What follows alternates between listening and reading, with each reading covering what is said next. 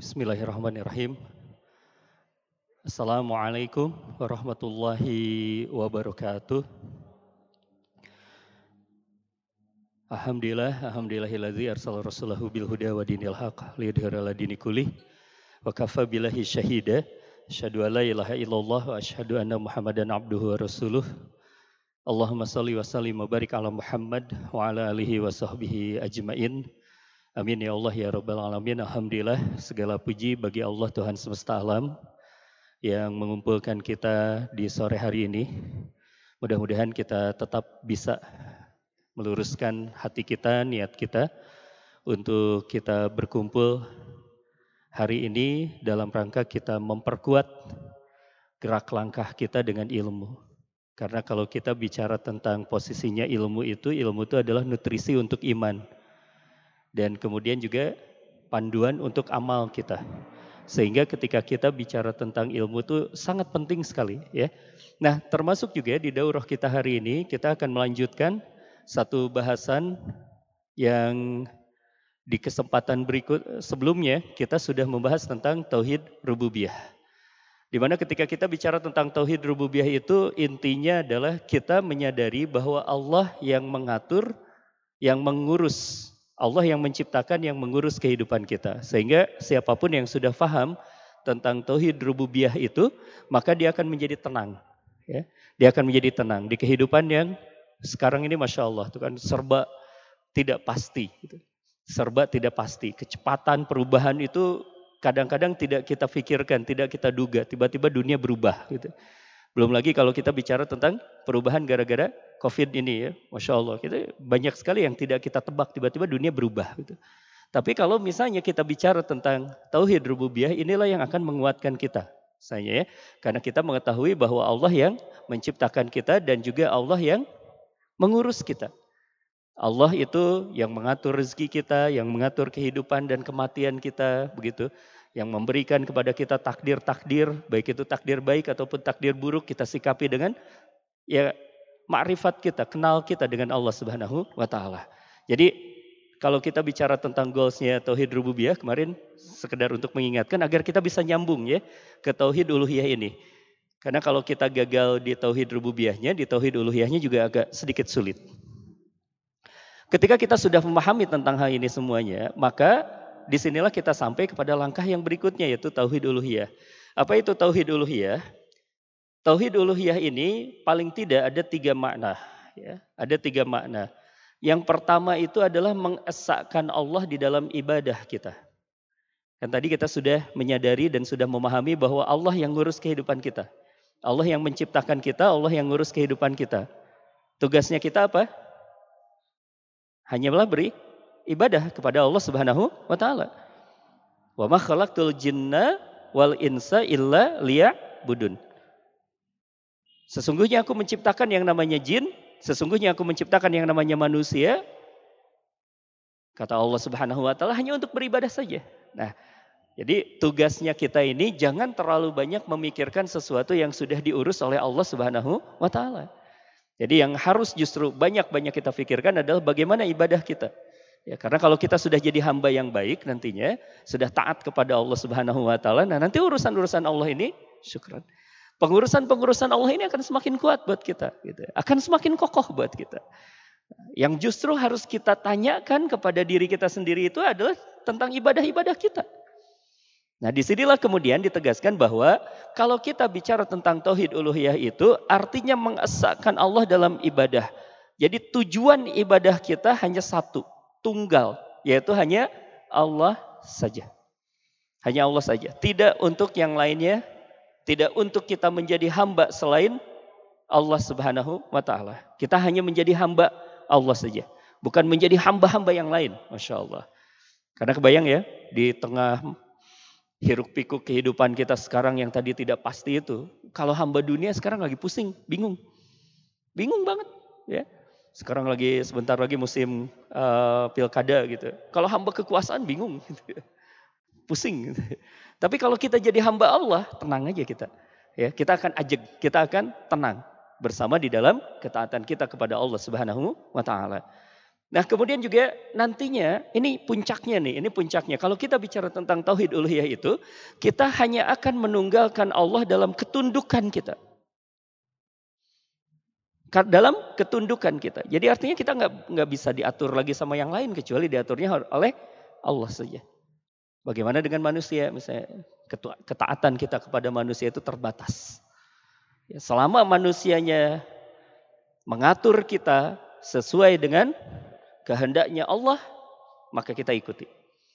Tapi kalau sudah tidak mengikuti kehendaknya Allah, la ta'ata, tidak ada ketaatan kepada makhluk di dalam maksiat kepada Allah Subhanahu wa taala.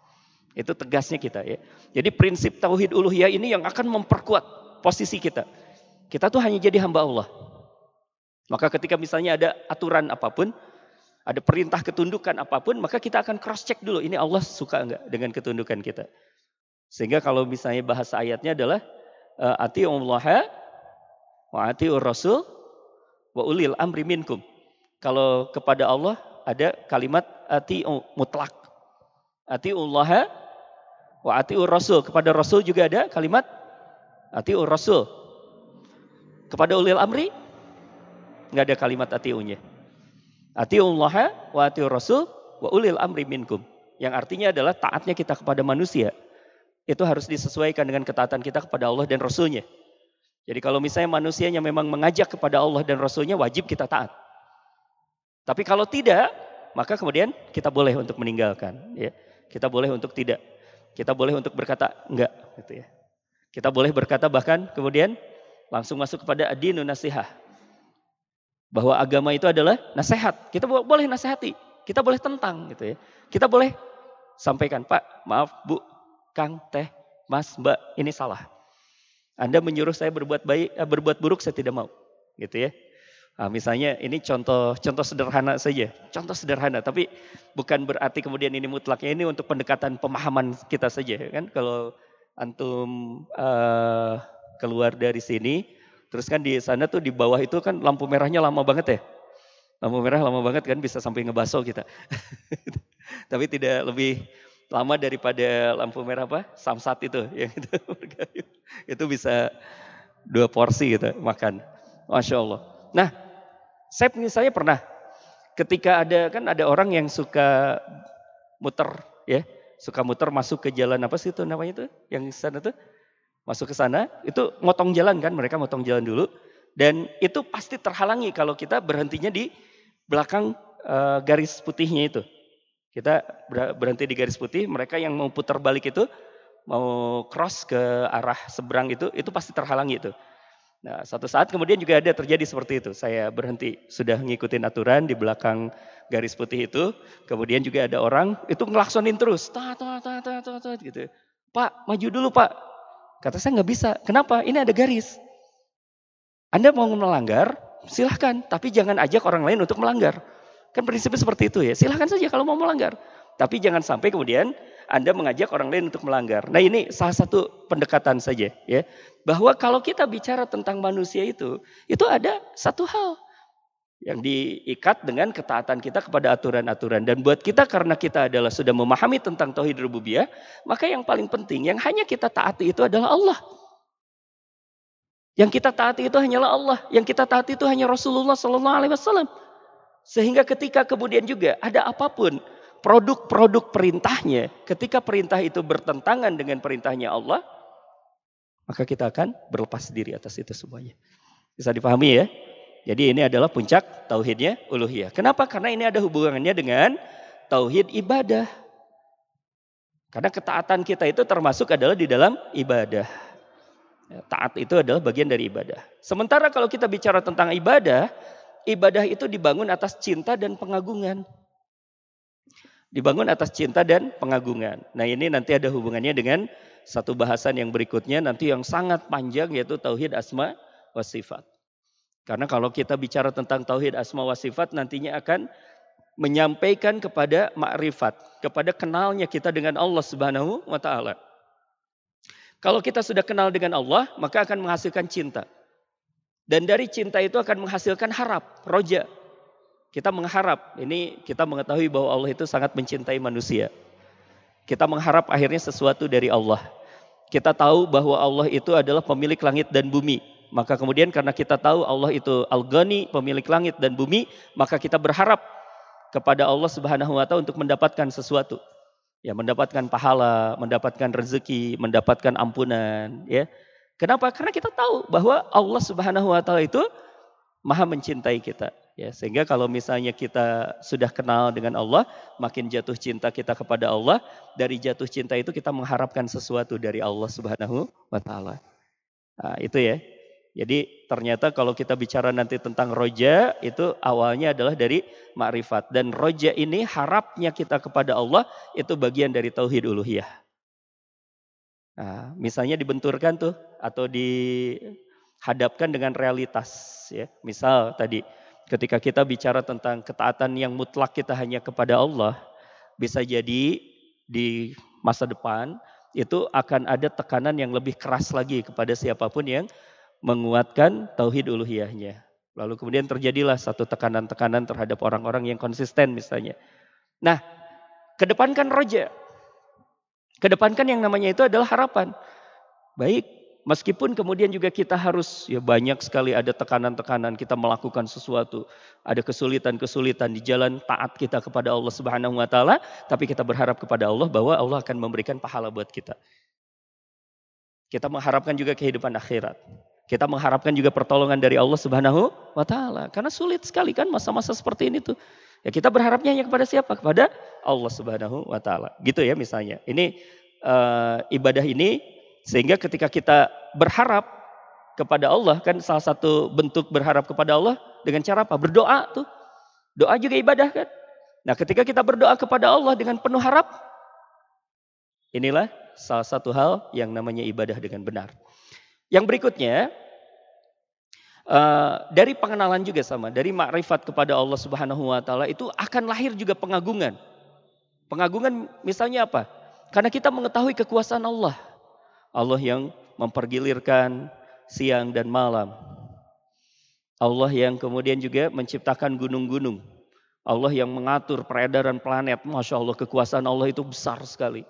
Sehingga pada saat itu timbullah sebuah pengagungan Allah Akbar. Kita ini kecil sekali. Urusan-urusan kita ini kecil sekali. Allah mengurus sesuatu yang lebih besar dari itu dan itu tanpa cacat sama sekali. Dan berarti semuanya sedang diawasi oleh Allah. Planet yang besar sangat diawasi oleh Allah. Kemudian juga uh, apa namanya eh, ikan-ikan yang ada di lautan semuanya diurus oleh Allah, diawasi oleh Allah. Bahkan kemudian virus, bakteri dan seterusnya itu diurus sama Allah Subhanahu Wa Taala. Hadir sebuah pengagungan. Ini kekuasaan Allah tuh luar biasa. Nah maka ketika kita sudah faham tentang kekuasaan Allah, lahirlah pengagungan, lahirlah perasaan khauf. Aduh takut. Eh kalau saya melawan Allah, kalau saya menentang keinginannya Allah, kalau saya kemudian melakukan sesuatu yang tidak diridhoi Allah, gimana nih kita nih? Gitu. Gimana nih nanti? Bagaimana? Kuat nggak kita nanti dihukum sama Allah di akhirat? Gitu. Atau kuat nggak nanti kemudian juga kita akhirnya dibiarkan sama Allah Subhanahu Wa Taala misalnya? Itu timbul rasa khauf itu, takut kepada Allah. Ya. Kebayang nggak Kan kata Hasan al-Basri itu pernah ada seorang yang datang kepada Hasan al-Basri bercerita ingin berbuat maksiat. Ya, ini makanya keterampilan seorang dai itu harus di situ juga ya. Kebayang nggak kalau misalnya ke antum tuh ada orang datang, Mang, teh, saya mau maksiat boleh nggak? Digimanain sama antum? Takol. ya. Tapi tidak seperti itu mental dai kan? Tidak seperti itu. Nih. Eh, Hasan Al Basri itu mengatakan ketika ditanya seperti itu, oh, Anda ingin bermaksiat? Oh, boleh, boleh, silakan. Senyum aja Hasan Al Basri. Tapi ada syaratnya. Jadi kalau bahasanya provider apa? Dikasih tanda bintang itu ya. Tanda bintang teh syarat dan ketentuan. Iya, saya tuh sekarang tuh lagi rada kesel ke provider tuh ya beli kuota misalnya ada syarat dan ketentuan Masya Allah ini jadi nggak kepake juga kan. Karena ternyata aktifnya jam 12 malam, jam 12 malam saya tidur.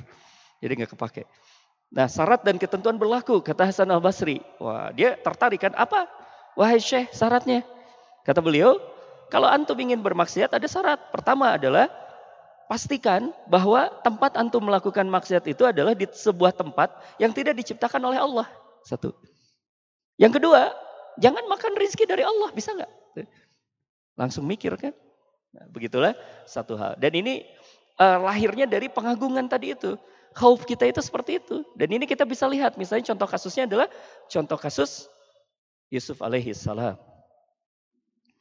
Kan sudah dikurung di sebuah tempat hanya berduaan saja. Tapi karena mengingat tentang keagungan Allah, timbullah rasa khauf, lalu kemudian lari, melarikan diri. Dari tempat yang terjebak, dijebak dia untuk melakukan maksiat. Kenapa? Karena dia ingat tentang keagungannya Allah subhanahu wa ta'ala.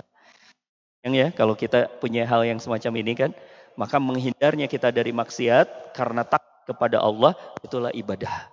Bukan karena ketahu, takut ketahuan manusia. Ya, karena kalau takut ketahuan manusia jadi ibadah enggak? Enggak, karena tauhid uluhiyah itu harus mengesahkan ketaatan kita hanya untuk Allah.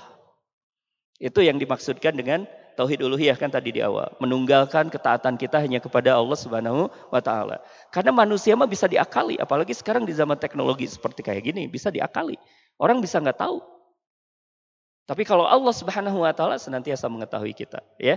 Maka inilah ibadah itu harus dibangun di atas cinta dan pengagungan. Untuk itu pula bahasan-bahasan kita tentang tazkiyatun nafas yang sering bicara tentang khauf, proja, mahabbah menjadi sangat penting. Karena itu menjadi dasar dari ibadah kita. Ibadah kita itu tidak akan mungkin bisa sampai kepada puncaknya ibadah yaitu tauhid uluhiyahnya kita, nikmatnya kita di dalam iman merasakan halawatul iman, nikmat dan lezatnya iman nggak mungkin kalau kita tidak sampai kepada ini roja, khauf, mahabbah nggak mungkin. Ya, makanya penting ya untuk belajar tazkiyatun nufus itu. Baik. Nah, karena ada roja dan khauf, ini apa sih hubungannya? Ada hubungannya dengan perintah dan larangan.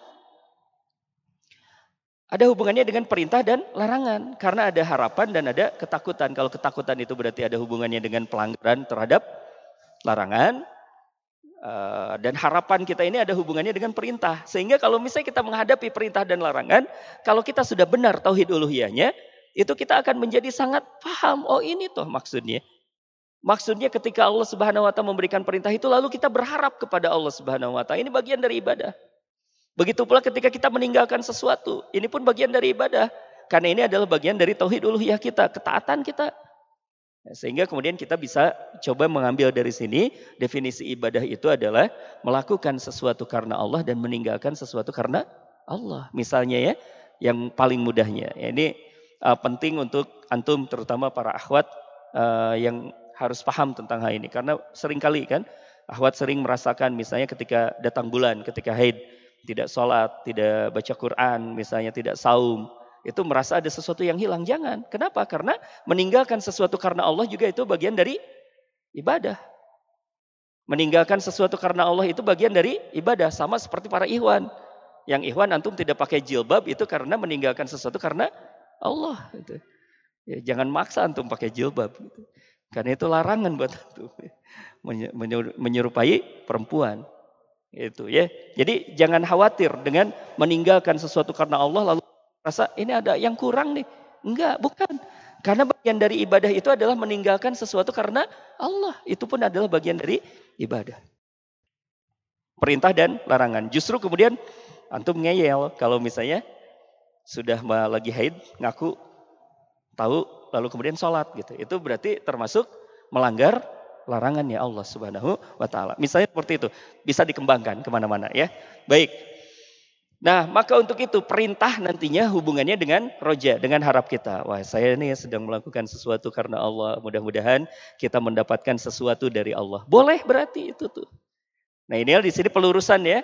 Pelurusan bahwa jangan sampai kemudian kita memiliki sebuah anggapan yang salah tentang yang namanya ibadah, tentang yang namanya ikhlas. Termasukkanlah ke dalam sebuah pemahaman kita bahwa ibadah itu nggak perlu mengharap sesuatu. Bahkan nggak perlu mengharapkan pahala, nggak perlu mengharapkan yang namanya surga. Salah kalau seperti itu. Kenapa? Karena kita menginginkan sesuatu dari Allah. Ikhlas itu bukan berarti kita tidak menginginkan sesuatu. Ikhlas itu adalah kita menginginkan sesuatu, tapi dari Allah. Menginginkan sesuatu yang dari Allah saja. Bukan menginginkan sesuatu dari manusia. Misalnya menginginkan pujian, maka itu sudah beda. Menginginkan followers misalnya, itu sudah beda. Gitu ya. Jadi apa namanya? Uh, apa mang bahasanya antum itu? Uh, kebaikan menjadi konten gitu. Hanya jadi konten aja gitu. Sekarang memang zamannya ya tipis sih. Sekarang ini ya. Kebaikan untuk menjadi dakwah tapi ada juga yang kebaikan untuk menjadi hanya konten saja. Diukurnya dari like. Masya Allah. Nah ini perintah diataskan pada roja nantinya. Berhubungannya dengan roja. Dan larangan itu dilandaskan pada khauf dan khasyah. Panjang lagi ya. Bahas khauf dan khasyah satu SKS lagi. khauf dan khasyah. Tapi nantilah ya. Ini hanya sekedar untuk mengingatkan saja. Baik. Nah sehingga kalau misalnya kita simpulkan apa itu ibadah. Nanti kita coba untuk bagi menjadi dua. Ya, ibadah itu menjadi dua. Yang pertama adalah dalam bentuk perbuatan. Ini penting ya, definisi itu penting. Tadi saya agak terlambat karena ikut seminar dulu dan uh, para pembicaranya dua-duanya profesor. Kemudian juga tampaknya ada sistematika yang terlanggar, ya, sistematika yang terlanggar yang saya tanyakan juga yaitu tentang definisi. Nah, itu jadi rame. Karena kalau kita bicara tentang definisi ini, ini yang akan membingkai sebuah, sebuah pembahasan. Nah sama seperti misalnya ketika kita bicara tentang ibadah. Ibadah itu harus kita bingkai dulu. Apa sih yang namanya ibadah? Sehingga nanti kita punya punya sebuah batasan. Ini tuh penyimpangan ibadah atau bukan. Karena kita sudah mengenal tentang definisinya. Atau misalnya kita berkata, oh ini mah tidak termasuk ibadah. Kenapa? Karena keluar dari definisinya. Maka kemudian kita boleh melakukan sesuatu yang tidak sesuai uh, tidak tidak tidak terkungkung dengan aturan karena bukan bagian dari ibadah misalnya. Ya, kita harus paham dulu tentang yang namanya definisinya itu. Ini penting. Kadang-kadang kita sudah sering sekali melupakan tentang hal itu. Makanya kalau kita diskusi teh ngalor ngidul nggak ada jelas-jelasnya gitu. Ujungnya ke mana? Karena kita lupa untuk membingkai dulu. Ibadah itu apa? Ada dalam dua hal kita bisa bingkai. Yang pertama adalah dalam bentuk perbuatan. Itu yang paling terlihat kan perbuatan. Perbuatannya seperti apa? Perbuatan merendahkan diri kepada Allah. Objeknya harus kepada Allah. Itu baru disebut kepada uh, perbuat uh, ibadah gitu. Perbuatan merendahkan diri di hadapan Allah karena cinta dan mengagungkan dengan melaksanakan perintah dan menjauhi larangannya. Misal sholat tadi. Sholat, kenapa antum sholat, ruku, sujud? Ya, saya merendahkan diri kepada Allah karena cinta. Saya melakukan itu karena cinta dan mengagungkan dengan melaksanakan perintah. Memang ada perintah, Memang ada larangannya, memang ada perintahnya, memang ada larangannya. Lalu kemudian saya mengikuti itu semuanya. Lalu kemudian saya ruku dan sujud gitu ya. Maka kemudian karena ada perintah dan ada perintahnya, ada larangannya, maka kemudian itu bisa menjadi ibadah ya. Jadi bingkainya jelaskan berarti salah satu bingkai dari perbuatan itu harus ada dalil. Berarti benar kan kalau di situ Maya. Ada perintah dan larangannya, ada perintah dan larangannya. Jadi kalau misalnya tidak ada perintah dan tidak ada larangannya, nanti itu di luar dari ibadah. Ada yang mubah, ada yang boleh-boleh saja karena tidak diatur. Nanti prinsip usul fikih antum harus pelajari tentang itu. Kemudian juga yang berikutnya lagi adalah merendahkan diri kepada Allah kita. Tador kita merendahkan diri kepada Allah. Kita merendahkan diri Allah yang maha besar, kita mah kecil. Nah itu tuh bagian dari ibadah. Ya bentuk perbuatan kita. Baik, nah itu bentuk perbuatan. Tapi juga jangan dilupakan ibadah itu bukan hanya itu. Karena ada juga pada objek perbuatannya. Ini kita bisa lihat. Objek perbuatan apa? Misalnya uh, adalah segala hal yang dicintai dan diridhoi Allah baik berupa ucapan maupun perbuatan baik lahir maupun yang batin. Jadi kita mencari tahu berarti kalau di sini apa yang dicintai oleh Allah, apa yang diridhoi oleh Allah. Apa yang dicintai oleh Allah, apa yang diridhoi oleh Allah. Misal ya, kan uh, beginilah gampangnya itu, kita memuliakan tetangga, ya, memuliakan tetangga atau memuliakan memuliakan tetangga lah yang paling mudah. Karena kan tetangga banyak-banyak, apa beragam, tetangga itu beragam sekali. Ada yang pika sebelen gitu, ada yang memang baik ya, ada yang memang kita nyaman banget sama tetangga, tapi ada sebuah hadis kan? Barang siapa yang beriman kepada Allah, man kana yu'minu billah wal yaumil akhir falyukrim, maka untuk itu muliakan yang namanya jarohu. Jarohu itu tetangga. Nah, berarti kan itu sesuatu yang dicintai. Ya, sesuatu yang dicintai, sesuatu yang dicintai. Nah, maka kemudian ketika kita melakukan itu, melakukan itu, memuliakan tetangga, yang jelas kemudian kan tidak ada waktunya tuh. Kalau tadi mah kan ada perintahnya, ada waktunya, barangkali kan ada ibadah itu ada yang terikat tempat, ada yang terikat waktu. Kalau ini mah tidak terikat tempat dan tidak terikat waktu tuh. Hal yang dicintai, pokoknya berbuat baik kepada tetangga itu adalah sesuatu yang dicintai. Maka ketika kita berbuat baik kepada tetangga kita, kapan pun itu, kesempatan apa pun, maka itu bagian dari ibadah.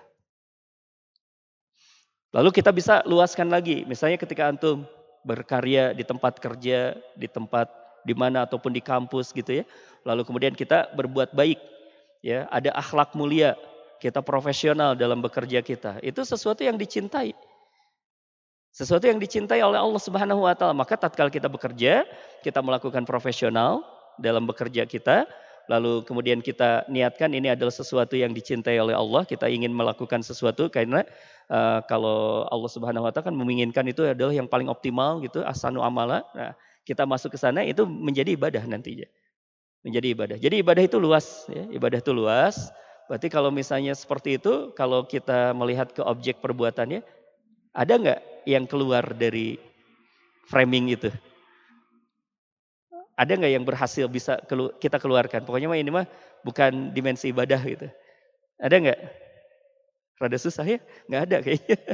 Karena semuanya tuh kan ada Allah itu mencintai sesuatu, Allah itu mencintai sesuatu, Allah itu meridhoi sesuatu. Dan tujuan kita kan mencari cinta dan mencari ridhonya Allah subhanahu wa ta'ala di dalam semua dimensi kehidupan kita.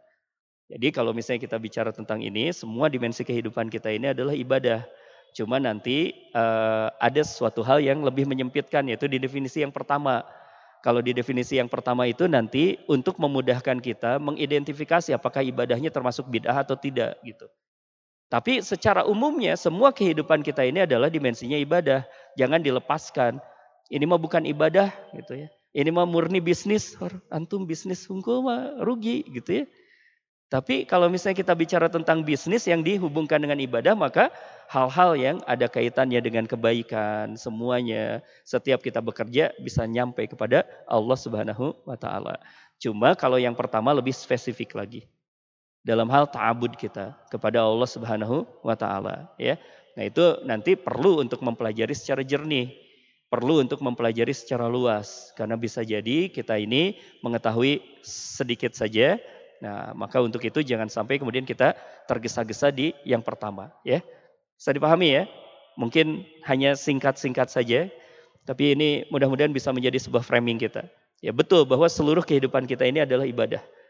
Betul, tapi tidak semuanya kemudian uh, kalau misalnya ini tidak ada contohnya dari Rasul, gitu ya, tidak ada contohnya dari Rasul, maka kemudian menjadi bid'ah tidak seperti itu juga, ya, karena dilihatnya dari yang kedua itu, sesuatu yang dicintai dan diridhoi Allah oleh Allah Subhanahu Wa Taala yang mungkin eh, kadang-kadang ada yang berbeda juga dengan zamannya Rasulullah Shallallahu Alaihi Wasallam. Tapi kalau masalah ibadah yang jelas perintahnya, jelas larangannya, jelas kaifiatnya itu tidak boleh menyelisihi Rasulullah Shallallahu Alaihi Wasallam. Baik, kemudian yang berikutnya kita lihat. Nah, sekarang ini ada ayat yang penting di dalam surat Al-Qasas ayat ke-88 wala tad'u ma'allahi ilahan akhar la ilaha illahu kullu sayyin haliku illa wajhahu lahul hukmu wa ilaihi turja'un janganlah engkau sembah di samping menyembah Allah, ilah yang lain. Berarti di dalam ayat ini ada sebuah informasi ternyata ada orang yang menyembah kepada ilah yang lain. Berarti ilah itu makanya kita harus pahami dulu. Ya, termasuk kan ucapannya kita adalah la ilaha illallah. Tidak ada ilah kecuali Allah. Berarti ada gak tandingannya? Ada. Tapi kita tolak untuk tandingan-tandingan selain Allah itu dalam hal ilah. Maka untuk itu kita harus paham dulu tentang apa itu ilah. Sehingga tauhid uluhiyah kita bisa lebih lurus. Kita bisa lebih mengukur tentang uluhiyah itu. Baik, makna kata ilah itu berasal dari kalimat aliha yang artinya kalau dikembalikan di dalam bahasa Arab itu adalah sakana ilaih istajarobihi istaqa ilaihi wali abihi. Itu makna dari ilah dari aliha. Apa itu? Sakana ilaih itu artinya merasa tentram. Jadi sesuatu yang membuat tentram itu yang namanya ilah. Sesuatu yang membuat tentram. Nah, nanti kita coba deteksi ya. Apa nih yang membuat kita tentram? Kan kalau kita mah jelas kan? Insya Allah ya. Allah bizikrillah tatmainul kulub. Hanyalah dengan mengingat Allah maka hati akan menjadi tentram. Berarti kalau kita sudah sampai seperti itu, ilah kita dalam hal sakana ilai sudah benar. Kita akan hanya merasa tentam saja dengan Allah Subhanahu wa taala dan enak kalau kita tentramnya bareng sama Allah. Kenapa? Karena Allah mah tetap ada. Senantiasa ada. Wahwa ma'akum ainama kuntum. Sesungguhnya Allah bersamamu di mana pun engkau berada. Bukan berarti Allahnya ada di mana-mana, bukan. Pemahaman tentang ayat itu harus benar gitu ya. Tapi kekuasaannya Allah, pembersamaannya Allah, ma'iyatullahnya itu terus senantiasa ada bersama dengan kita. Baik, itu sakana ilai. Kemudian yang berikutnya adalah istajarobihi. Apa istajarobihi? Merasa dilindungi. Menjadikan satu-satunya pelindung.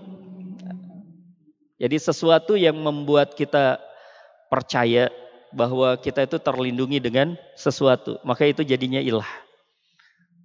Pokoknya kalau ada itu kita merasa dilindungi. Masker? Jadi terlindungi gitu. uh, tentu asal jangan menuhankan masker ya. ada nggak yang menuhankan masker? Bisa jadi ada. Bisa jadi. Maka misalnya ya ketika dia sudah pakai masker, sudah pakai face shield, kemudian dia kena misalnya ya, nauzubillah mendalik sefulan atau sefulan atau kena. Lalu kemudian dia berkata, wah ini masker gimana sih? Gitu. Saya sudah menggantungkan hidup saya sepenuhnya kepada masker.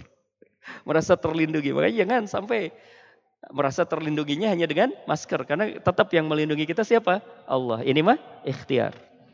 Ini mah hanya ikhtiar saja. Ya itu ya. Misalnya istajarobihi. Merasa dilindungi.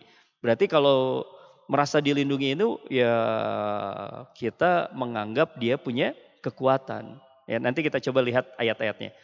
Kemudian yang berikutnya adalah istaqa ilaih merasa selalu rindu kepadanya. Bagian dari aliha, maknanya aliha tuh pokoknya mah kangen gitu ya.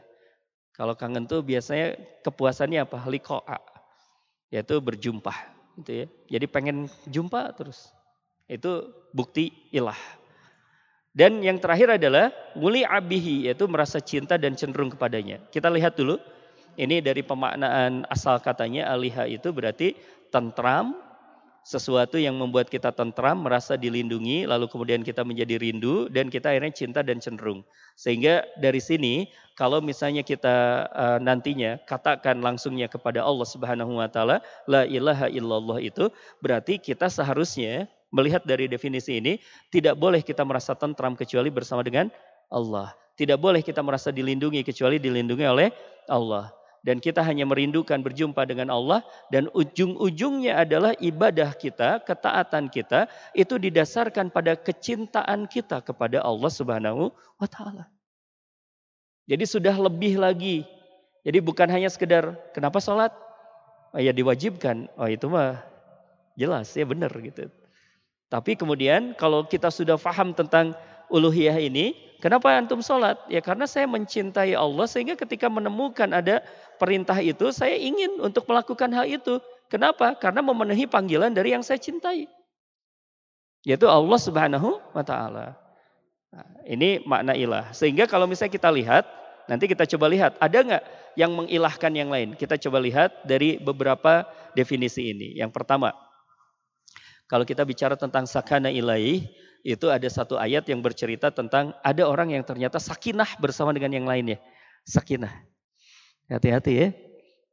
Jadi kalau misalnya ada yang berkata sakinah bersamamu, kalau suka saya kritik, antum susah. Kalau mau sakinah hanya bersama dengan manusia itu. Ya sakinah itu harus kepada Allah dulu baru kepada manusia. Apalagi kalau di dalam ayatnya jadi ini ntarlah pokoknya ya. Ayatnya kan litas kunu ilaiha. Wa min ayati bagian dari ayat-ayat Allah itu an khalaqalakum menciptakan uh, ajwaj pasangan ya litas kunu ilaiha litas kunu kalau dalam bahasa Arab litas kunu ilaiha itu, itu fi'il mudore Fi'il mudorih itu berarti kata kerja. Berarti nggak mungkin seseorang itu dapat sakinah kecuali punya kerjaan.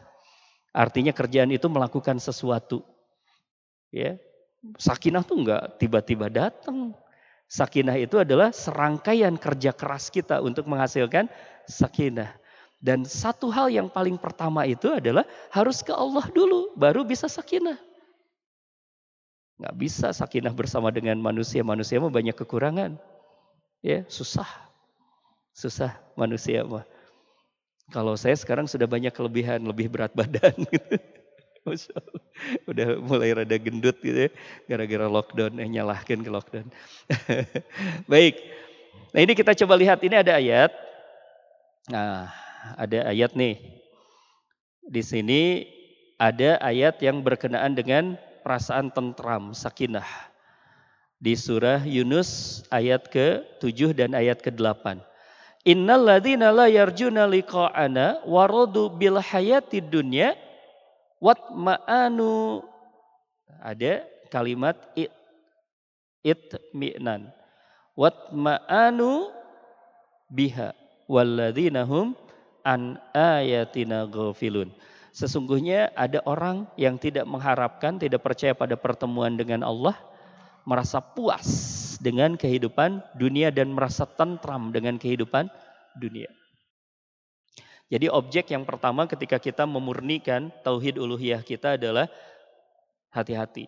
Karena di dalam ayat ini ada orang yang merasa tentram dengan kehidupan dunia. Ada orang yang merasa tenangnya itu, tentramnya itu dengan kehidupan dunia. Jadi dia merasa tentram kalau punya uang. Merasa tentram kalau misalnya punya pekerjaan.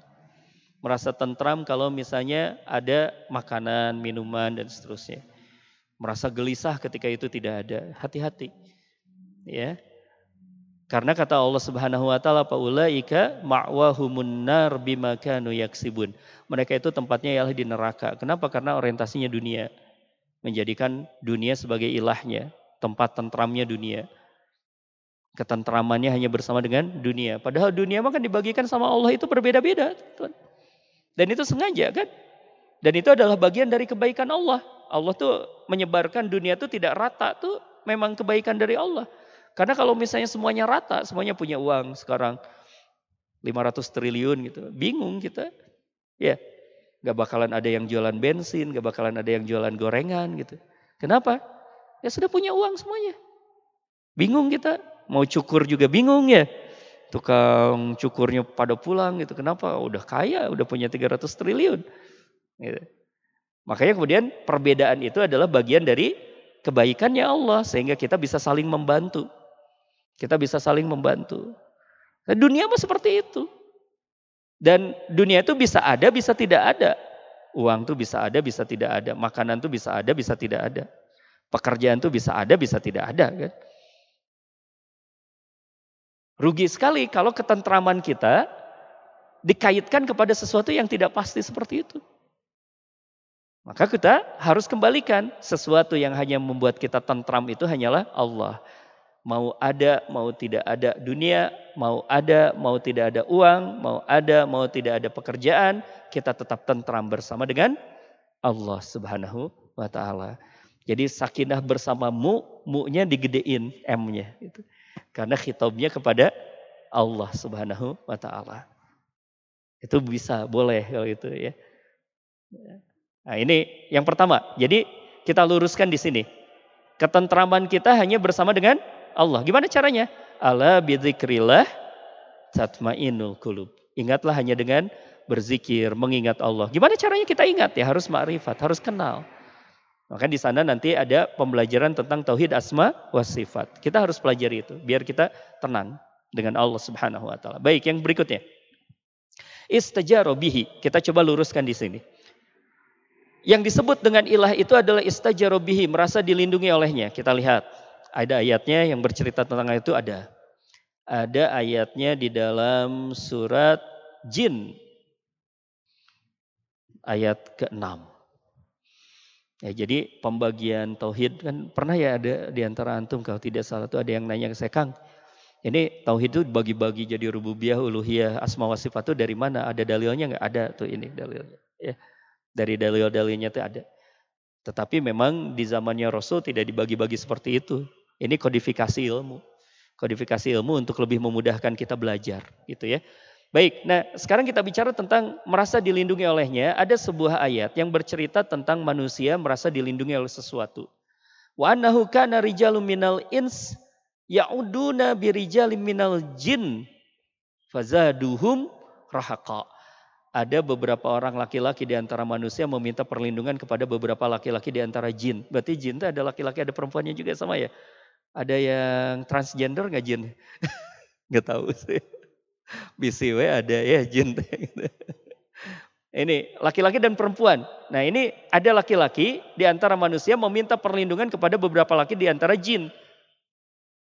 Berarti apa tuh? Karena menyangka bahwa jin itu punya kekuatan. Dia menyangka bahwa si jin itu yang dia mintai pertolongan itu akan bisa melindunginya. Akan bisa melindunginya. Sehingga nanti apa turunannya? Pakailah yang namanya jimat. Pakai yang namanya apa lagi? Isim. Antum punya isim? SIM A, SIM B, SIM C. itu beda SIM itu ya. Nah, itu. Jadi ada beberapa orang laki-laki yang meminta perlindungan, meminta perlindungan. Dan ini berarti adalah kita bisa kembangkan ke yang lain yang lainnya. Kalau kita ingin memurnikan yang namanya tauhid uluhiyah kita, yakini bahwa tidak ada yang akan bisa mencelakakan kita. Dan tidak ada yang bisa melindungi kita kecuali Allah. Tidak ada yang bisa mencelakakan kita. Ini ini eh, konsekuensinya panjang sekali itu. Ya. Turunannya itu panjang sekali. Maka orang yang sudah meluruskan bahwa istajarobihnya itu merasa dilindunginya itu hanya merasa dilindungi oleh Allah Subhanahu wa taala, maka kemudian dia tidak akan mengalami yang namanya ketakutan-ketakutan di dalam dia menjalani kehidupannya. Kenapa? Karena merasa dilindungi oleh Allah Subhanahu wa taala senantiasa, gitu ya. Jadi jangan kemudian kita meminta perlindungan kepada yang lain yang lainnya. Bagaimana kalau misalnya kita minta didoakan? Kalau itu mah beda. Kita minta didoakan boleh? Boleh. Kita minta didoakan.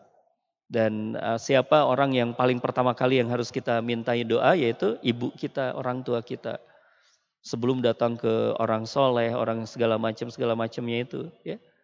Datangi dulu ibu antum, datangi dulu orang tua kita, karena orang tua doanya lebih mustajab. Ridhonya Allah ada di ridhonya orang tua. Bahkan kemudian kata Rasulullah Shallallahu Alaihi Wasallam celaka, celaka, celaka, celaka, celaka. Man ya Rasulullah, siapa ya Rasulullah yang celaka itu? Orang yang menemui orang tuanya dalam kondisi dia sudah tua, tapi kemudian tidak menjadikan dia jalan masuk surga dengan mengurus orang tuanya. Nah, itu ya. Jadi orang tua boleh ya kita jadikan sebagai uh, dimintain doa. Kalau itu beda. Tapi kalau merasa dilindungi beda gitu ya. Merasa dilindungi. Nah, ini jangan sampai kita merasa dilindunginya oleh selain Allah Subhanahu wa taala. Baik. Misalnya tuh apalagi tuh merasa dilindungi dengan ini. Banyak lah ya. Ada kekuatan yang lain. Baik, yang berikutnya stajarobihi uh, mana ini uh, maaf salah ngeklik ah ini ada yang lainnya istajarobihi juga ada di dalam sebuah ayat di dalam surah Yasin ayat ke-74 ayat ke-75 Wattakhadu min dunillahi alihah ada kalimat langsungnya alihahnya Wattakhadu min dunillahi alihata la'alahum yunsarun La yastati'una nasrahum wa hum lahum jundum muhdorun. Mereka mengambil sembahan-sembahan selain Allah agar mereka mendapatkan pertolongan. Ya, berhala-berhala kita percaya bikin sesajen gitu. Kemudian juga uh, percaya kepada roh halus gitu, ya. Roh karuhun segala macam segala macam itu nggak boleh. Karena yang bisa melindungi kita hanyalah Allah Subhanahu wa taala. Bahkan misalnya nih antum lewat ke tanjakan Emen misalnya Pernah lewat ke Tanjakan Emen? Apa yang dilakukan biasa di Tanjakan Emen? Orang lain kan ada yang pakai klakson, ngelemparin koin gitu ya. Dengan cara seperti itu, wah saya dilindungi nih. Aman nih. Gak benar tauhidnya. Ya. Karena kalau Allah mentakdirkan celaka mau komo ya waktu pas kita nyetir, kita ngelemparin kan ke konsentrasi itu. Jebret, nabrak. wah matinya dalam kondisi musrik tuh. Bahaya. Nah, tanjakan emen jangan jangan kita takutkan, tapi memang secara teknis berbahaya gitu. Ya. Sama seperti misalnya kalau antum pergi ke mana di daerah daerah ke arah Polban ke sana itu, tanjakan yang kayak gitu tuh apa namanya tuh? Apa namanya? Tanjakan apa? Hah? Tanjakan dog. Ditanyakan dog karena saya pernah celaka di situ kan. Uh, karena nggak ngukur nggak ngukur kemiringannya pakai gigi dua gitu nggak kuat naik oper gigi satu terbang oh, gitu. celaka secara teknis gitu tapi bukan berarti kemudian akhirnya wah ini mah ayanu nggak gegeh sehingga kemudian lewat sana tuh wah gitu paruruntan abdi mau ngalangkung gitu nggak benar secara uluhiyahnya sering ya kayak gitu punten anu anu gaduh wilayah Itu gak benar tauhidnya kita tuh. Kemudian misalnya antum pergi ke laut selatan. wow, gak boleh pakai baju biru. Kenapa? Karena nyerorok kidul nanti marah. Wah, itu gak benar. Iya. Yeah. Apalagi antum orang Bandung kan ada mitos ya orang Bandung ke laut selatan biasa celaka. Wah itu gak benar tuh. Berarti kita hilangkan anggapan-anggapan yang seperti itu.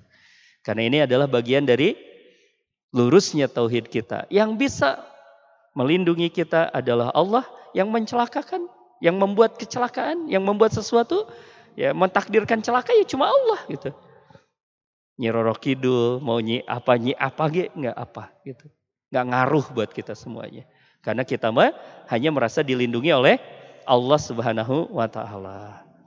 Bagaimana tuh dengan keris misalnya ya? Tergantung kerisnya mau dijadiin apa.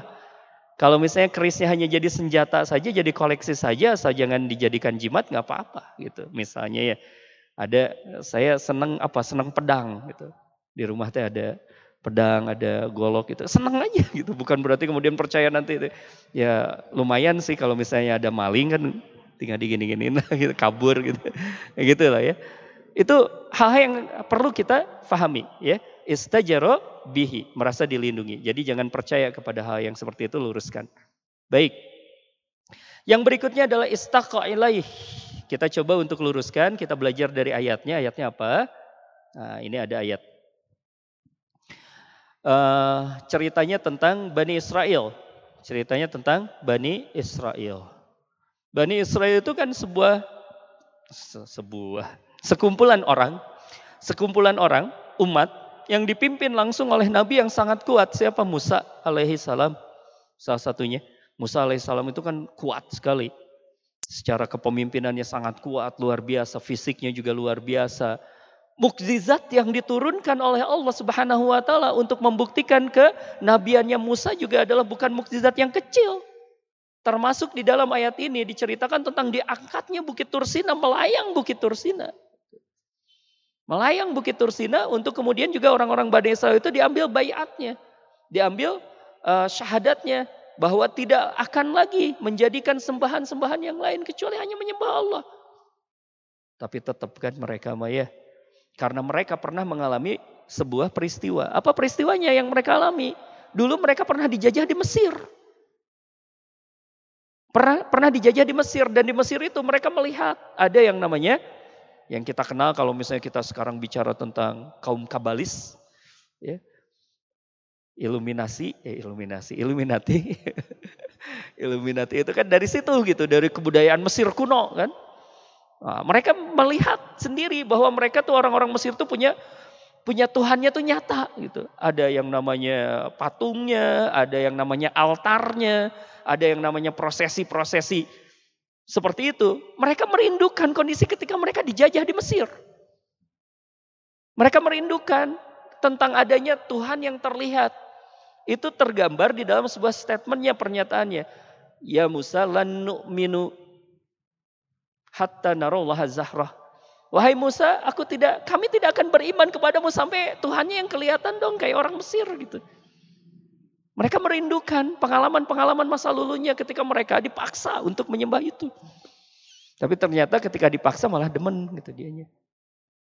Malah kemudian merindukan kembali ke masa-masa dia menyembah Tuhan-Tuhan yang lain itu. Nah ini kerinduan, ya, suatu kerinduan. Jadi pengen kalau nggak nemu itu asa ada yang hilang. Gitu.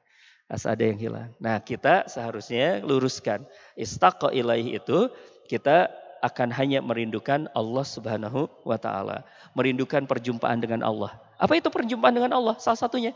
Salah satunya adalah dalam sholat.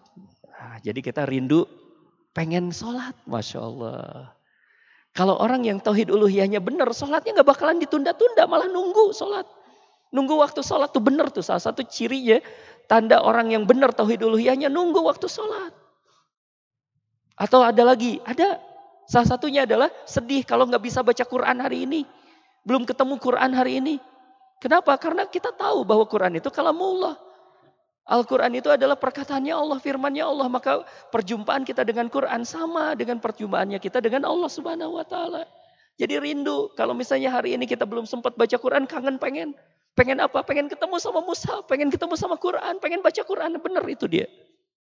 Itu berarti dia sudah tauhid uluhiyahnya sudah menghasilkan kerinduan berjumpa dengan Allah Subhanahu wa taala. Nah, ini kita bisa benturkan dengan sebuah ciri-ciri orang yang munafik. Apa ciri-ciri orang munafik? Kalau sholat kaslan, malas-malasan. Kalau berzikir sedikit. Nah itu tandanya orang-orang munafik. Ini tidak menunjuk orang lain, menunjuknya ke kita, khawatir kita kena yang seperti itu. Kalau kita sudah mulai berat sholat, sudah mulai berat baca Quran, ini jangan-jangan kita sudah teridap, sudah mengidap yang namanya penyakit munafik, sudah terpapar penyakit munafik. Harus banyak istighfar, harus bersihkan segera, ya, sehingga kemudian kita bisa merasakan kembali kerinduan kita kepada Allah Subhanahu wa taala. Perjumpaan-perjumpaan kita dengan Allah. Makanya Rasulullah itu kalau sebelum waktu sholat itu sering bilang kan ke Bilal. Apa yang dibilang, yang dibilangkan atau eh, yang dibicarakan atau yang dikatakan oleh Rasulullah kepada Bilal. Ya Bilal, arih Nabi sholat. Wahai Bilal, istirahatkan kami dengan sholat. Karena kami rindu banget nih waktu sholat. Masya Allah. Itu Rasulullah Shallallahu Alaihi Wasallam. Kalau kita mah, ya, eh, asar, eh, gitu. gitu. Masya Allah. Gitu ya. Nah ini Berarti belum benar kita tauhid uluhiyahnya. Masya Allah. Makanya kita pelajari ya. Baik, yang berikutnya. Nah, ini sudah puncaknya itu merasa cinta, merasa cenderung kepadanya. Yaitu wuli'a bihi. Ayatnya apa? Wa minan nasi mayyatakhidu min dunillahi andadan yuhibbunahum kahubillah. Ada cerita, ada orang yang menyembah tandingan-tandingan selain Allah. Mereka mencintai sebagaimana mereka mencintai Allah. Tapi kalau orang yang beriman mah, walladzina amanu asaduhu balillah. Orang-orang yang beriman mah cinta kepada Allahnya itu di atas segalanya. Di atas segalanya. Gimana ya e, prakteknya dalam kehidupan? Gampangnya gini. Gampangnya gini ya. Kan kita memang disuruh untuk mencintai orang tua kita ya. Gampangnya contohnya. Uh, maka ada satu hadis kan kita pernah lewat hadis adab al mufrad kita pernah mempelajari di hadis adab al mufrad misalnya.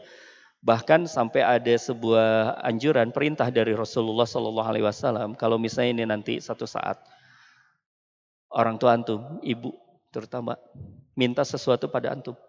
Minta sesuatu misalnya a teh ibu pengen ini. Dan kita sanggup untuk memberinya maka kasih itu Bahkan dalam hadisnya itu, bahkan ketika orang tua mau meminta seluruh hartamu, berikan kepada orang tua. Sampai kayak gitu kan?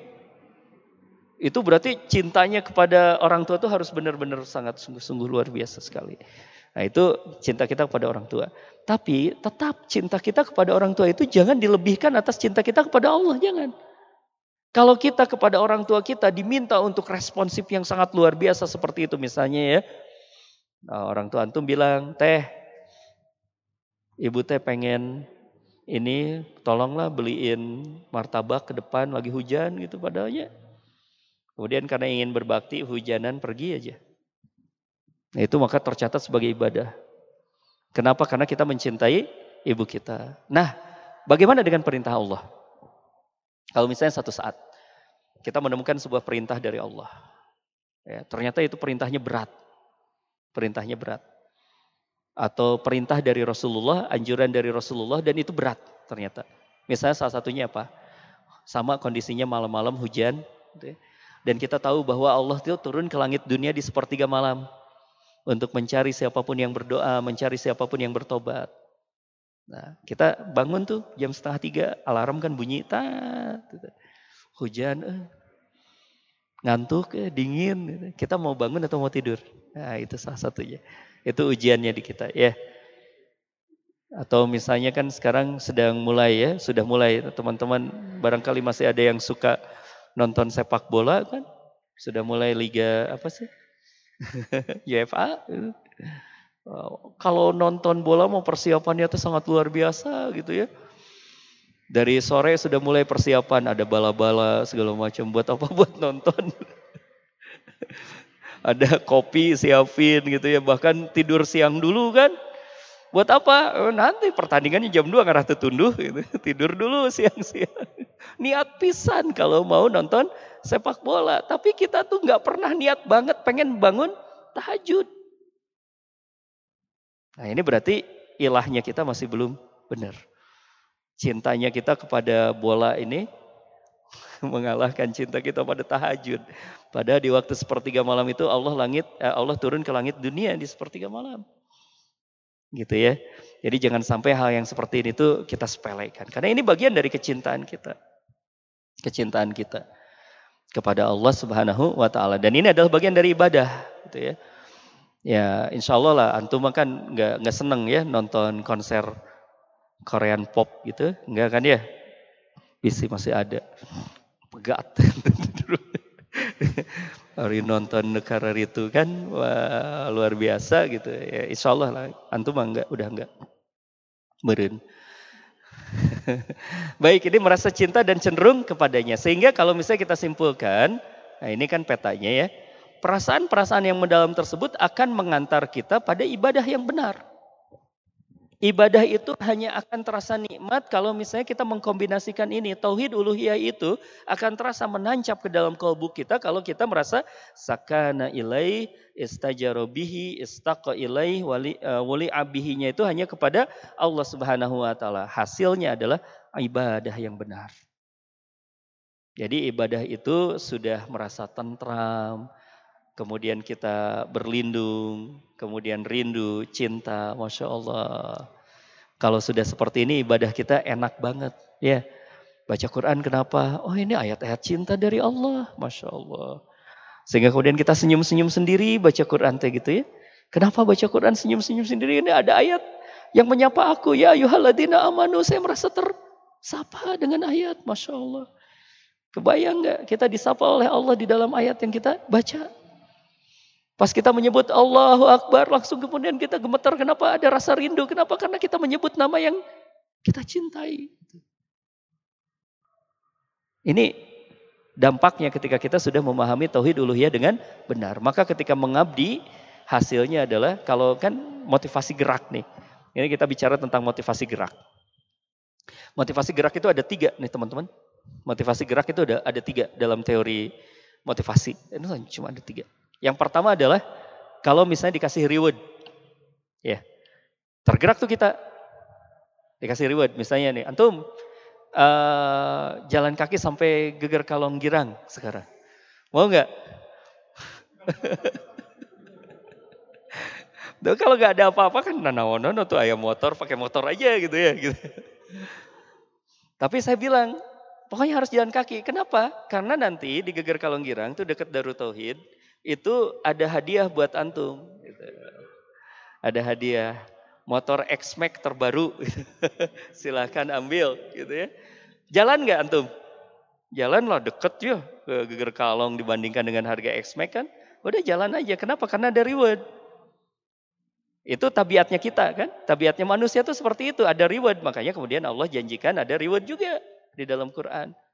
Dalam teori manajemen juga kalau organisasi nggak ada reward ya berat juga kan kita melakukan sesuatu. Itu tabiatnya manusia. Yang berikutnya adalah motivasi gerak itu kalau diancam sesuatu. Motivasi negatif kan? Itu bisa juga, itu bisa membuat kita bergerak juga. Ya sama misalnya perintahnya, nih antum jalan kaki ke geger kalong. Ada apa? Nggak ada apa-apa sih. Tapi kalau antum nggak jalan, ini ibu antum saya tangkap, kemudian saya tembak nih.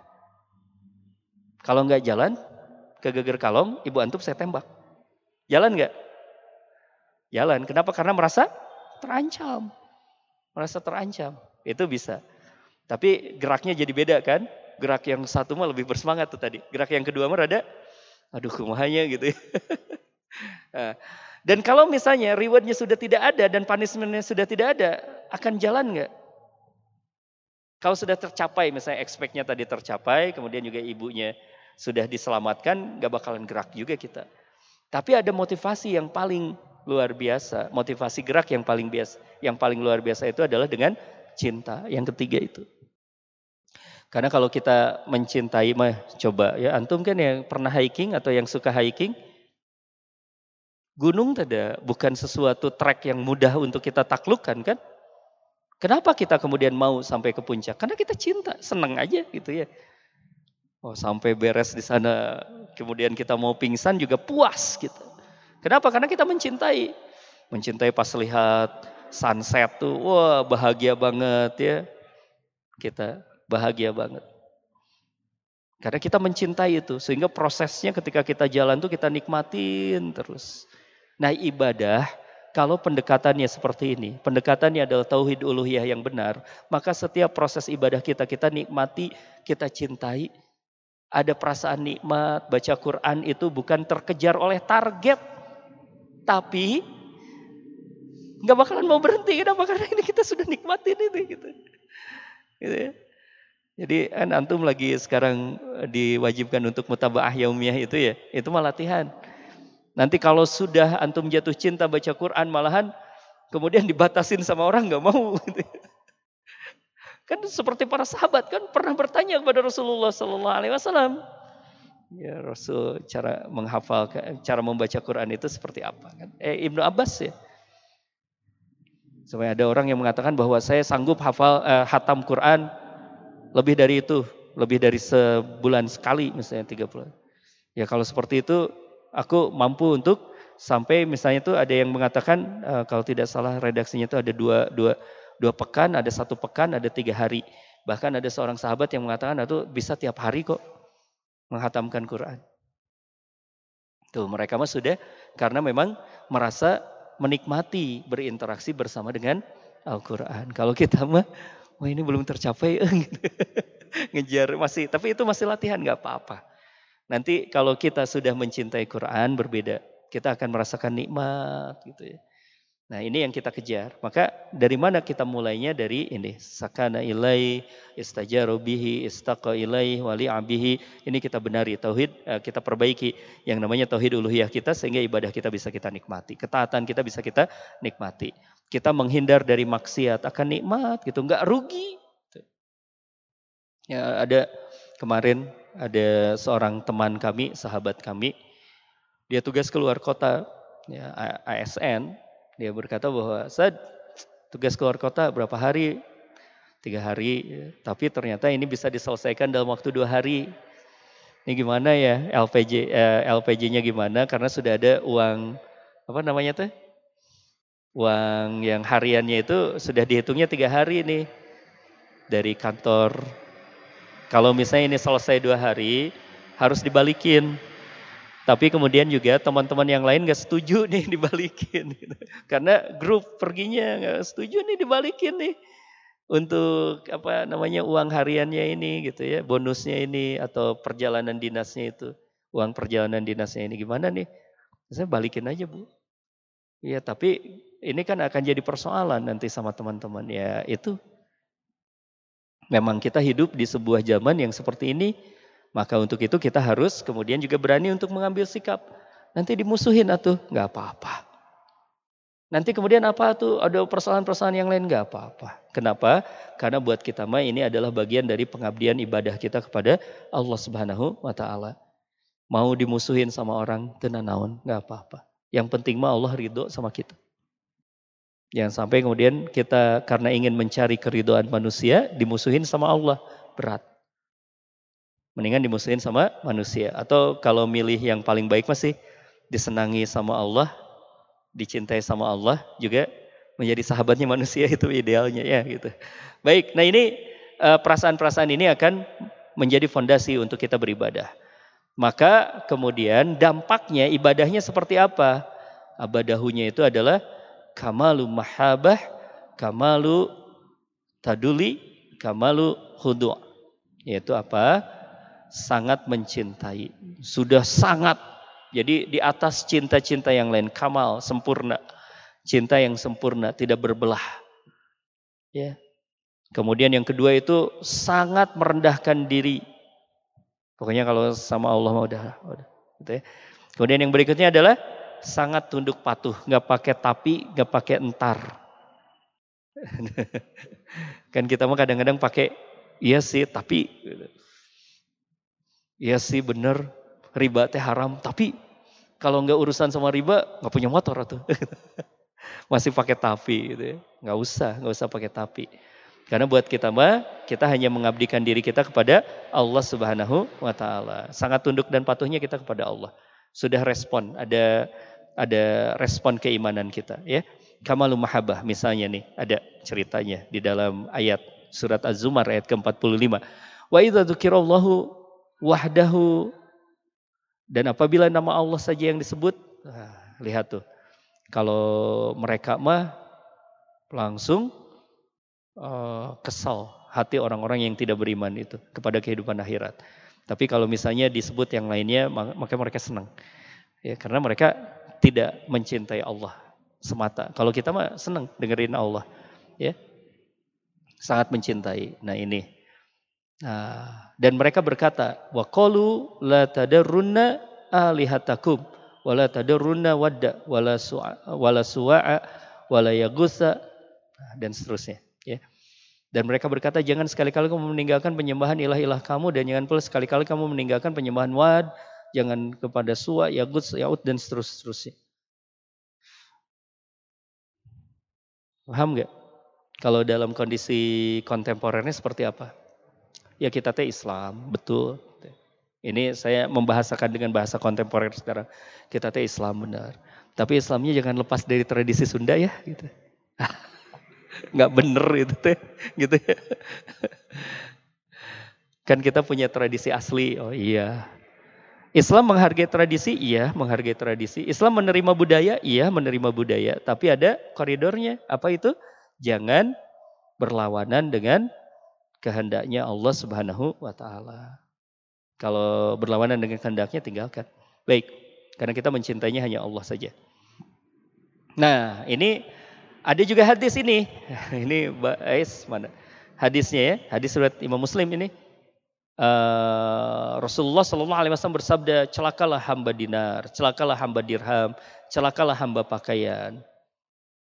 Ada orang-orang yang cintanya itu pada dinar, dirham. Untung kita mah rupiah ya. Insya Allah nggak ada di hadis yang celaka hamba dinar dan dirham. Maksudnya hamba uang semua sama. Celakalah hamba pakaian. Kalau diberi maka ya ridho, sedangkan apabila tidak diberi maka ya kesel. Ya disebabkan kecintaan yang amat sangat terhadap barang-barang tersebut. Baik. Itu jadi ini sangat mencintai seperti itu ya kita mengejarnya Allah. Kemudian juga sangat merendahkan diri padanya. Ini kisahnya tentang saya lupa uh, kisahnya kisah tentang Ibrahim ya. Kisah tentang Ibrahim bagaimana ketika Ibrahim ini sedang dialektik, sedang mengadakan dialektika. Jadi bukan berarti Ibrahim bingung mencari-cari Tuhan bukan. Ya, baca di tafsir Ibnu Kasirnya bukan seperti itu, tapi Ibrahim sedang mengajarkan sesuatu dengan metode dialog kepada uh, umat pada saat itu. Beliau berkata tuh matahari, eh mama, tapi matahari tenggelam, bulan tenggelam, bintang tenggelam. Maka kemudian aku ingin, aku tidak suka dengan sesuatu yang tenggelam. Di situ dialektikanya. Aku tidak suka dengan sesuatu yang tenggelam. Prinsipnya seperti itu. Itu sedang dipahamkan di tengah masyarakat. Baik, ya. Aku tidak suka. Jadi aku tidak cinta kepada yang suka tenggelam itu. Ya. Sehingga harus merendahkan dirinya hanya kepada Allah semata. Baik. Yang berikutnya adalah sangat tunduk patuh. Tuh lihat di dalam surat Al-An'am ayat ke-137 wa kadzalika zayyana likatsirin minal musyrikin dan demikianlah pemimpin-pemimpin mereka telah menjadikan kebanyakan dari orang-orang musyrik itu adalah auladihim syurakauhum memandang baik membunuh anak-anak mereka dan seterusnya dan seterusnya dan seterusnya gitu ya. Jadi uh, aturan, aturan, aturan, aturan, aturan. Makanya salah satu inti dari risalah itu adalah beribadahlah kepada Allah wajtanibut toguts dan jauhilah toguts. Toguts itu apa? Ya yang disembah selain Allah Subhanahu wa taala. Baik. Nah, ini ukur tauhid kita makanya, ya, ukur tauhid kita ini bagaimana ketika kita bicara tentang apa yang kita cintai, kepada apa kita merendahkan diri dan kepada apa kita tunduk, kepada siapa kita tunduk. Ukurnya di sini. Ini ukurannya, evaluasinya. Kita mau mengukur tauhid uluhiyah kita benar atau tidak diukurnya dari sini. Maka nanti akan menghadirkan hasil tauhid yang benar. Apa hasil tauhid yang benarnya ada di dalam surat ke-41 ayat ke-30. Innalladzina qalu rabbuna Allahu tatanazzalu alaihimul malaika alla takhafu wa tahzanu wa absiru bil jannatul lati kuntum tu'adun. Sesungguhnya orang-orang yang mengatakan Rabb kami adalah Allah lalu kemudian uh, sumastaqamu dia istiqomah. Istiqomah ini hasil dari iman, amal istiqomah tuh. Nah, ketundukan yang sempurna tuh bagian dari jalur menuju ke istiqomah. Meneguhkan pendirian mereka sehingga mereka istiqomah, sumastaqamu, lalu apa yang akan dijanjikan oleh Allah? Tatanazzalu alaihimul malaika. Allah akan mengutus para malaikat Lalu malaikat itu akan berkata Allah takhafu wa la tahzanu, jangan kau merasa takut, jangan kau merasa sedih. Bahasa sederhananya kalau tidak merasa takut dan tidak merasa sedih apa bahasa sederhananya? Bahagia. Jadi yang hasil tauhid yang benar itu kita akan bahagia. Padahal ini yang sedang kita cari kan? Yang sedang kita cari. Tadi di seminar juga e, bercerita tentang itu bahwa sekarang ini di tengah-tengah ketidakpastian e, nasib kita, ketidakpastian situasi itu, orang tuh merasa kosong di tengah kesibukannya kita nggak bahagia. Padahal dia sudah memiliki apa-apa. Tadi dikisahkan ada orang yang punya 20 mall di Indonesia bangkrut sekarang mallnya seluruhnya. Bingung dia. Ngerasa ini tuh ternyata saya nggak punya sesuatu, nggak punya apa pun sekarang. Masya Allah. Nah, sehingga perlu yang namanya sandaran. Perlu yang namanya itu adalah pegangan. Nah buat kita mah karena kita pegangannya kepada Allah, ibadah kita, Kemudian tauhid kita yang benar, kita akan merasa menjadi tenang. Ya, Allah takhafu wa la tahzanu. Kemudian yang lainnya lagi, wa absiru bil jannah. Kita mempunyai visi akhirat itu juga yang akan membuatkan kita menjadi lebih kuat lagi menjalani yang namanya kehidupan kita. Gitu ya. Nah ini hasilnya. Ternyata tauhid itu kalau kita simpulkan dari dua pembahasan kita tauhid rububiyah dan tauhid uluhiyah, apa yang diinginkan oleh Allah ketika kita bertauhid dengan benar itu? Bahagia. Ini salah satu tanda dan bukti bahwa Allah itu menginginkan kita benar tauhidnya itu karena kalau tanpa tauhid kita tidak akan pernah bisa bahagia. Tanpa tauhid yang benar kita tidak akan pernah bisa bahagia. Bisa direkayasa. Tapi itu bukan bahagia, namanya gembira. Kalau gembira mah bisa direkayasa ya. Kedokteran kan mengenal tentang saraf, sarafnya aja direkayasa bisa gembira, orang bisa ketawa-ketawa. Ya dimanipulasi pakai obat orang bisa gembira tapi tidak bisa bahagia. Karena bahagia mah hanya kita bersama dengan Allah Subhanahu wa taala saja. Gitu ya.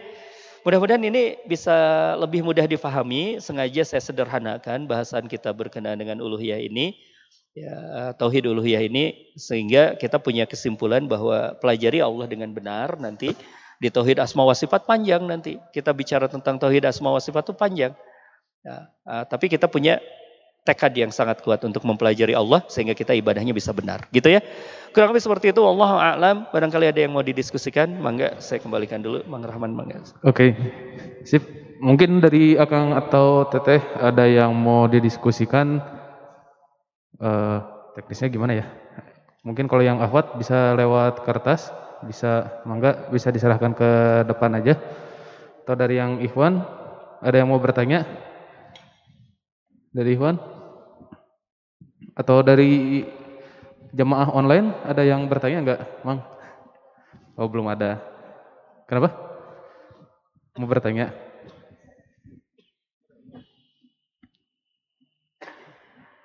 Oke, bismillahirrahmanirrahim. Oh, ini ada yang online dulu, Ustaz. Saya coba bacakan pertanyaannya.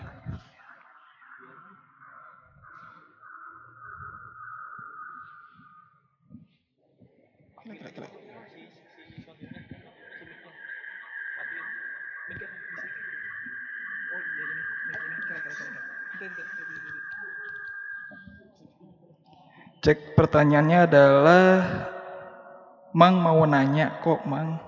Ustadz berani ya. Ustadz mau nanya kan Allah sebagai ilah adalah adalah untuk makhluknya. Kemudian bagaimana pas ada yang ketika ingin mengetahui Allah lihatlah makhluknya. Konsep tasawuf atau filsafat. Saya tidak menghakimi konsepnya, cuma ketika ada yang menyebutkan diri adalah Allah, itu seperti apa? Ya, dan yang kedua, ubudullah adalah melaksanakan syariat adalah bentuk penyembahan namun tidak sedikit yang menuhankan syariat atau bentuk ritualisme kepada Allah. Apakah itu sudah berlepas dari makna tauh, tauhid uluhiyah? Syukran Ustaz. Baik. Iya, ada di dalam teori tasawuf yang ini jelas dikritik oleh ahli tauhid yaitu ketika bicara tentang teori emanasi yang namanya itu di dalam tasawuf itu yaitu menemukan unsur unsur Allah di dalam semua penciptaannya itu termasuk dalam dirinya. Sehingga kemudian dia berkata aku dan Tuhan bersatu. Nah itu kesesatannya di situ. Kalau dalam teorinya itu adalah teori yang dikatakan teori kaula, uh, manunggaling kaulo gusti. Kalau di dalam teori mistis mistisme Jawa itu ya, yaitu tatkala seorang hamba bergabung dengan Allah sehingga kemudian apa mengabaikan yang namanya syariat, mengabaikan yang namanya sholat itu itu uh, makom pertama yang paling ringan yang paling awal gitu ya. Karena nantinya itu di makom makrifatnya itu kata mereka adalah saat kemudian juga aku dan Tuhan itu bersatu maka kemudian aku eh, cukup mengingat Allah saja sholat tuh mengabaikan syariat. Nah ini yang tidak benar. Ini yang kemudian juga diluruskan oleh eh, orang-orang uh, yang ingin memurnikan tasawuf di antaranya ada yang namanya itu uh, maaf Masya Allah, Masya Allah. Uh, yang namanya itu adalah Al-Baghdadi, Al-Junaid Al-Baghdadi. Ya, kita menyebutnya sebagai Al-Junaid. Sehingga kemudian Al-Junaid itu mengatakan atau mengadakan yang namanya itu pemurnian gerakan tasawuf. Disebutlah sebagai tasawuf sunniyah. Tasawuf ahlus sunnah wa jamaah. Yang kemudian tidak mengabaikan yang namanya syariat. Ini kemudian juga ada uh, yang lain lagi namanya Ibnu Rajab Al-Hambali ada lagi yang namanya Ibnu Qayyim. Itu ingin memurnikan tentang tasawuf. Bahwa tasawuf itu adalah satu hal yang memang metodologinya kalau kita bicara tentang tasawuf ini kan tasawuf ini terwarnai juga oleh pemikiran Persia gitu ya di sejarahnya itu. Uh, nah maka untuk kita harus dimurnikan jangan sampai kemudian juga misalnya tatkala membahas tentang zuhud saja kalau misalnya metodologinya tercemar dengan Persia metodologi Persia Irak dan Iran itu zuhud itu adalah meninggalkan dunia jadi makanya disebut sufi itu karena dari bahasa suf. Suf itu adalah berarti pakai pakaian compang-camping. Itu konsepnya Persia. Dalam konsepnya tasawuf yang benar di dalam Islam menurut Al-Baghdadi ketika memurnikan itu Imam Ahmad juga mengatakan zuhud itu bukan berarti kita mengabaikan dunia tapi zuhud itu adalah tatkala dunia tidak ada di hati kita dan tatkala kita mengatakan bahwa untuk mencari dunia itu jangan sampai kita mencari dunia dengan cara kita melawan kehendaknya Allah Subhanahu wa taala. Itu zuhud.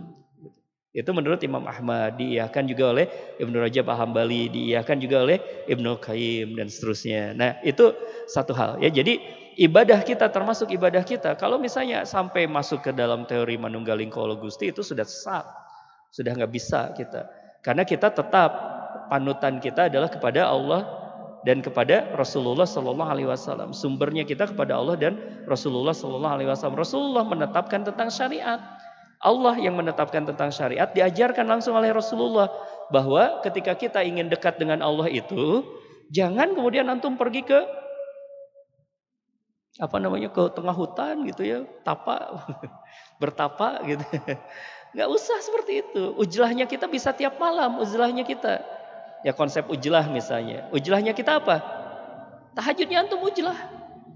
Tahajudnya antum adalah menyepi bersama dengan Allah. Berduaan bersama dengan Allah. Gak usah antum pergi ke gua gitu sampai 30 hari gitu nggak pulang ke rumah. Nanti pulang-pulang orang nggak kenal sama antum. Nah itu ya, jadi Islam itu mengenal tentang pendidikan ruhani, pendidikan ruhiyah, tetapi pendidikan ruhiyah yang tidak mengabaikan syariat. Karena justru syariat itu yang akan membuat kita lebih dekat dengan Allah, ya. Ya, pemahaman kita seperti ini. Islam itu adalah uh, sempurna dan menyeluruh. Syamil mutakamil. Syamil mutakamil. Antum pergi ke toilet, ada panduannya nggak? Ada kan?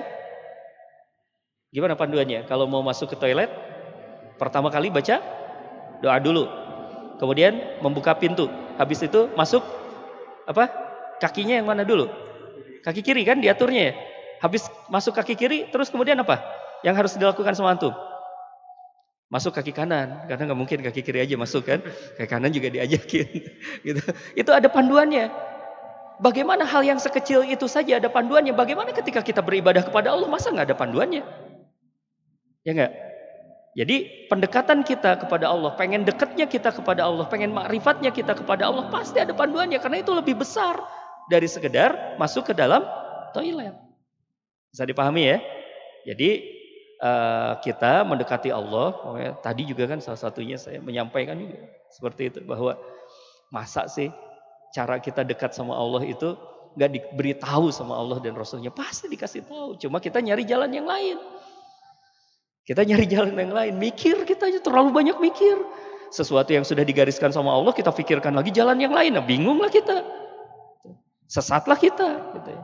Padahal sesuatu itu sudah ada di dalam Al-Quran dan di dalam Sunnah. Maka pelajari dulu. Apalagi ini adalah hal yang besar berkenaan dengan ibadah kita kepada Allah. Ibadah kita kepada Allah pasti ada panduannya di dalam Qurannya, ada panduannya di dalam hadisnya, ada ijma para sahabat, ada penjelasan para ulama. Kita ikutin itu semuanya ya. ya mudah-mudahan bisa sambil ngejawab yang kedua juga ya, berkenaan dengan syariat ini sekaligus untuk ditegaskan juga ya. Sudah sekaligus ditegaskan bahwa syariat itu adalah panduan. Dan ini adalah ada hubungannya dengan tauhid uluhiyah kita karena tauhid uluhiyah kita ini ada hubungannya dengan perintah dan larangan. Berarti kita jangan ngarang perintah dan larangannya. Langsung saja kita ikuti perintah dan larangannya dari Allah Subhanahu wa taala panduannya. Begitu ya kurang lebih wallahu a'lam.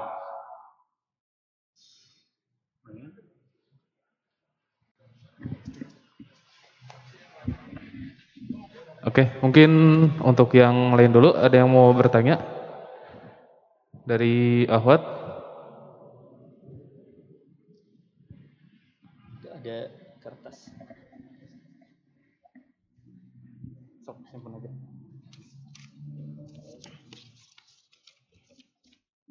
Ada yang bertanya, Ustadz kalau takut hantu gimana? Karena kalau ada tempat gelap kayak ada yang melihat atau mengikuti. Uh, takut hantu. Uh, saya ingin berbagi sesuatu uh, kisah. Anak saya itu kalau cerita tentang hantu, anak saya yang paling kecil usianya baru 4 tahun. Uh, kalau cerita tentang hantu tuh yang keluar dari dia tuh, wah hantu tuh kehilangan marwah, kehilangan harga diri. wah luar biasa. Kata dia dia cerita tentang hantu. Saya dengerin. Bi, dia mau cerita tentang hantu. Dia cerita tentang hantu, tapi hantunya tuh benar-benar kehilangan harga dirinya gitu ya. Sampai uh, cara mengalahkan hantu, ada hantu gitu muncul. Hantunya itu uh, dia mau nakut-nakutin anak kecil. Gitu Hantunya ngejar anak kecil, tapi tiba-tiba nabrak tiang listrik. Jadi hantunya itu dibuat lucu, dibuat tidak berdaya sama sekali di ceritanya dia. Padahal dia yang ngarang gitu. Sampai kemudian dia cerita lagi, ada hantu. Mau nakutin anak kecil, tapi anak kecilnya jagoan, berani. Ambil dia kotoran ayam, dilemparin. hantunya kabur. Gak ada marwah sama sekali hantunya di, hadapan anak saya itu. Gak ada harga dirinya sama sekali. Nah ini satu hal yang salah satu metode pendidikan kita. Kenapa kita takut sama hantu? Karena hantunya itu digambarkan serem banget kan? Ya.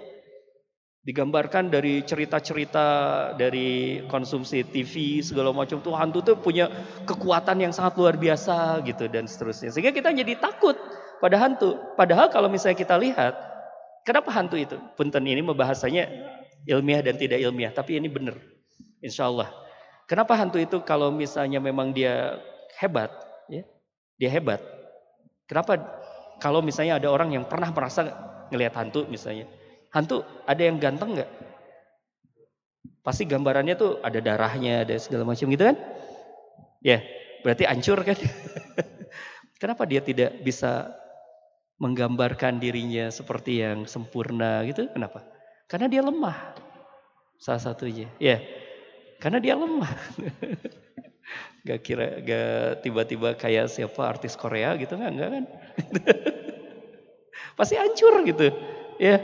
Pasti serem gitu ya. Nah berarti, berarti itu salah satu kelemahannya. Jadi uh, di era para sahabat bahkan kalau kan kita identikan hantu ini salah satunya jin lah misalnya ya kalau kita misalnya ambil meskipun banyak juga halusinasi ada.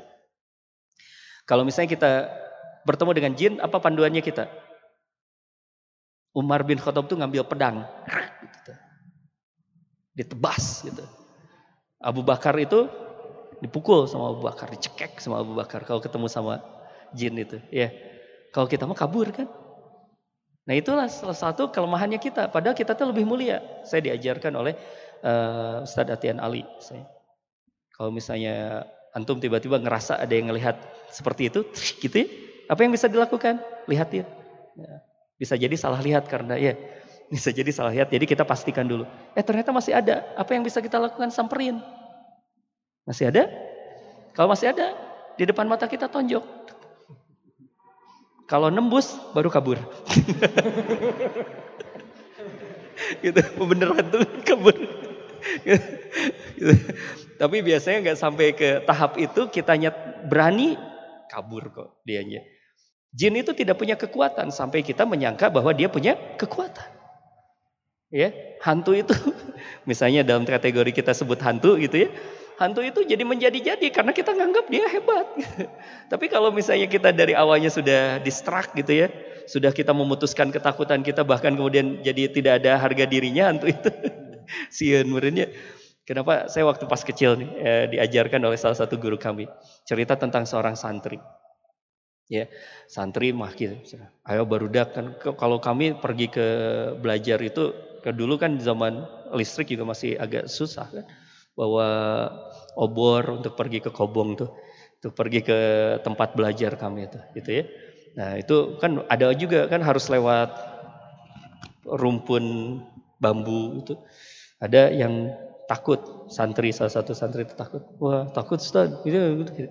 Kata itu saya cerita dulu kata ya waktu pas uh, bapak nyantri waktu pas kecil teh diajarin sama guru. Apa diajarin sama guru? Pokoknya mah kalau ketemu sama yang kayak gitu baca we sabisa-bisa bapak teh ketemu sama yang kayak gitu cina. Da ngarana keur budak letik masih kecil dan yang ingat adalah bacaan ada apa bacaannya tuh? Uh, bacaan doa mau makan apa?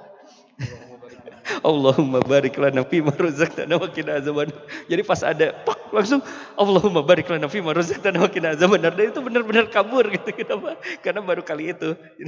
Rek ditambul ke budak letik gitu. nasihat itu itu sudah ditekankan dari kecil. Makanya ini hati-hati tentang cerita-cerita, tentang film-film, hati-hati. Karena itu akan berpengaruh kepada yang namanya paradigma kita terhadap hal yang kayak gitu kayak gitu, gitu ya.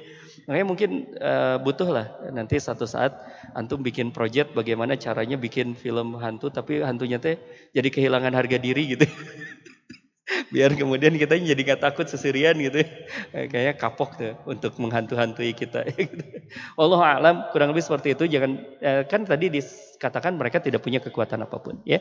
Sampai kemudian kita menganggap mereka punya kekuatan gitu ya. Allah alam. Mudah-mudahan ini bisa memperkuat kita karena kita mah hanya takutnya kepada Allah. Dan hati-hati kalau misalnya gini nih antum takut lewat sesuatu karena ini tempatnya serem lari Kemudian nabrak pohon, bak, meninggal. Gara-gara nabrak pohon dan gara-gara takut karena hantu itu.